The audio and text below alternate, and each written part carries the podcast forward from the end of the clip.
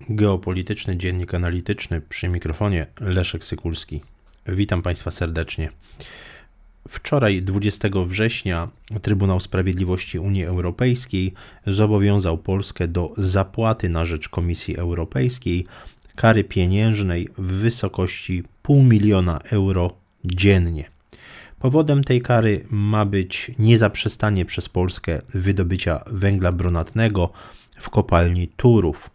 Warto przypomnieć tę sprawę mm, i y, sam, samą decyzję, mm, jeżeli chodzi o TSUE, którą wydał w maju tego roku.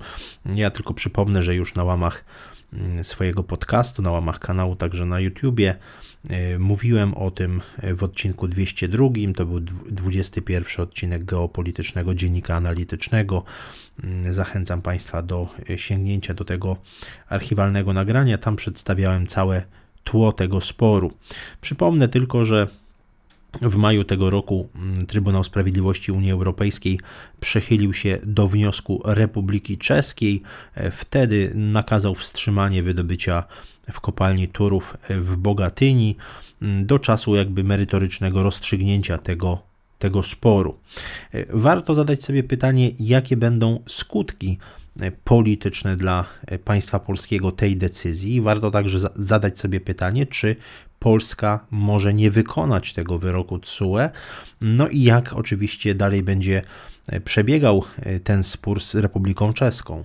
Koncesja na wydobycie węgla brunatnego mm, w kopalni Turów wygasła 30 kwietnia ubiegłego roku, ale mm, Ministerstwo Klimatu zadecydowało o jej przedłużeniu o kolejne 6 lat. No i warto tutaj podkreślić, że przeciwko temu bardzo mocno od początku oponował rząd czeski.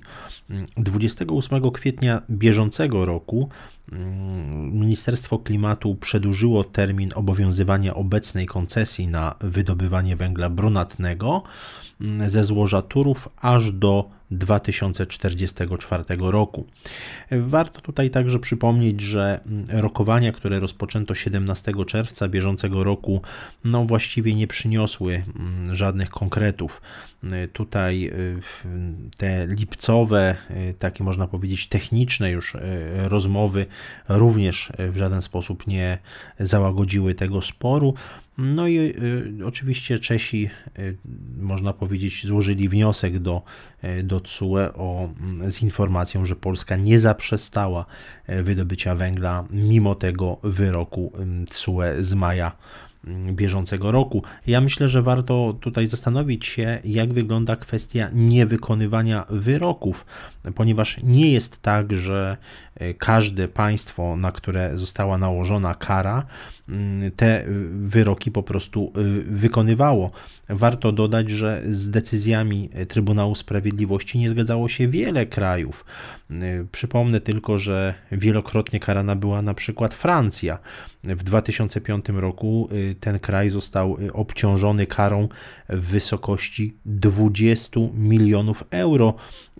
W tym w, w, kontekście zresztą można wydawać się to może śmieszne, ale chodziło o rozmiar ryb, które są dostępne e, w sprzedaży i ta kwestia tych regulacji dotyczących rozmiarów ryb będących w sprzedaży ciągnie się, ciągnęła się od 1991 e, roku.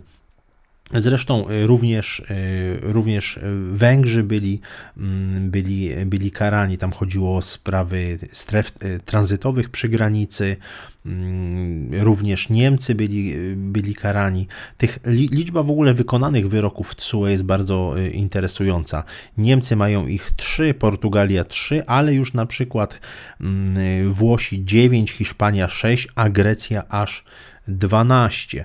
W związku z tym no, widać, że nie wszystkie państwa stosują się do, do tego i ta deklaracja o e, premiera Morawieckiego o tym, że Polska nie będzie się stosować do wyroku TSUE i będzie przeciwdziałać tej decyzji, jest moim zdaniem decyzją e, jak najbardziej e, słuszną, jest decyzją zgodną z polską racją stanu. Przypomnijmy tylko, że kopalnia Turów zaopatruje elektrownię Turów, która dostarcza no, 7-8% mm, energii elektrycznej, wytwarza 7-8% ogółu energii elektrycznej produkowanej w Polsce, a zatem wygaszenie kopalni Turów byłoby no, bezpośrednim uderzeniem w bezpieczeństwo energetyczne Rzeczypospolitej.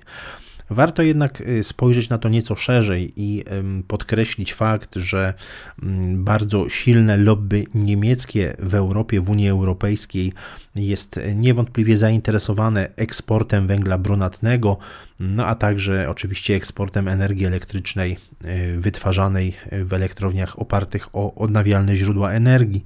Zresztą, tak jak wielokrotnie mówiłem mm, w swoim podcaście, na swoim kanale, że Niemcy, IDFX Niemiec obecnie jest to zielona transformacja, jest to ta transformacja energetyczna, Energiewende, oparta na OZE, mm, oparta na dekarbonizacji, odejściu od węgla.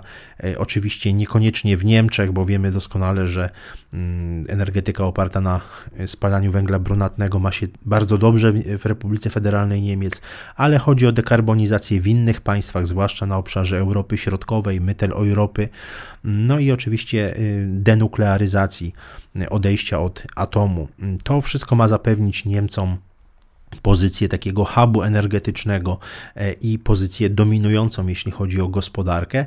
No I zresztą widać to bardzo dobrze po wypowiedziach czołowych polityków e, niemieckich. W kontekście Turowa warto spojrzeć na zbliżające się wybory parlamentarne w Republice Federalnej Niemiec, które odbędą się 26 września. E, moim zdaniem takim najgorszym wariantem z punktu widzenia państwa polskiego, z punktu widzenia bezpieczeństwa energetycznego Polski byłaby koalicja SPD-Zieloni. Przypomnę tylko, że to właśnie SPD z, za czasów e, kanclerza Gerharda Schrödera rozpoczęli, rozpoczęło mm, negocjacje z Rosjanami, jeśli chodzi o Nord Stream. No a Zieloni generalnie mają bardzo krytyczny stosunek do polskiego programu, czy te polskich no może, możemy to nazwać perspektyw rozwoju energetyki jądrowej. Myślę, że taka koalicja byłaby bardzo niekorzystna z punktu widzenia mm, polityki zagranicznej państwa polskiego, a także naszego bezpieczeństwa energetycznego. Wiele jednak wskazuje, że y, taka koalicja jest najbardziej y, prawdopodobna, mm, ponieważ no, na tydzień przed, przed wyborami odbyła się trzecia, ostatnia debata telewizyjna. No i rzeczywiście, jeśli chodzi o sondaż zrobiony w, wśród telewidzów, to 40, 42% respondentów wskazało na, na Olafa Scholza, czyli przywódcę lidera SPD, jako na zwycięzcę. I zresztą mm, tutaj ten przebieg tej debaty bardzo mocno wskazywał na to, że w kwestiach wewnętrznych, no to właśnie y, Olaf Scholz i Annalena Baerbock, czyli mm, liderka Zielonych, y, mają bardzo zbieżne poglądy, bardzo w wielu kwestiach mają zbieżne poglądy i niewykluczone, że rzeczywiście taka koalicja Y, koalicja będzie mm, w Republice Federalnej Niemiec mm, po niedzielnych wyborach. Myślę, że kwestia Turowa jest takim swego rodzaju papierkiem lakmusowym dla mm, nie tylko Polski, nie tylko Niemiec, ale w ogóle całej Unii Europejskiej, w którą stronę będzie będzie szła, że tak powiem, polityka klimatyczno-energetyczna, strategia klimatyczno-energetyczna.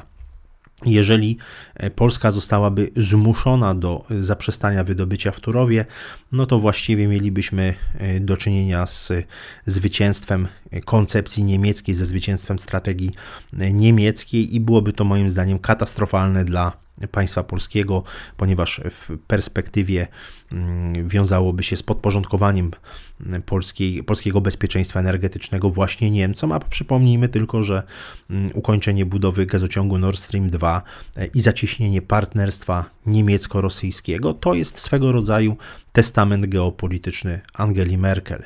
E, uważam, że e, absolutnie Polska nie powinna wykonywać tego wyroku TSUE, powinna zastosować wszystkie możliwe środki dyplomatyczne do tego, aby załagodzić spór z Czechami i oczywiście utrzymać, mm, utrzymać działanie kopalni Turów. Dziękuję Państwu za uwagę.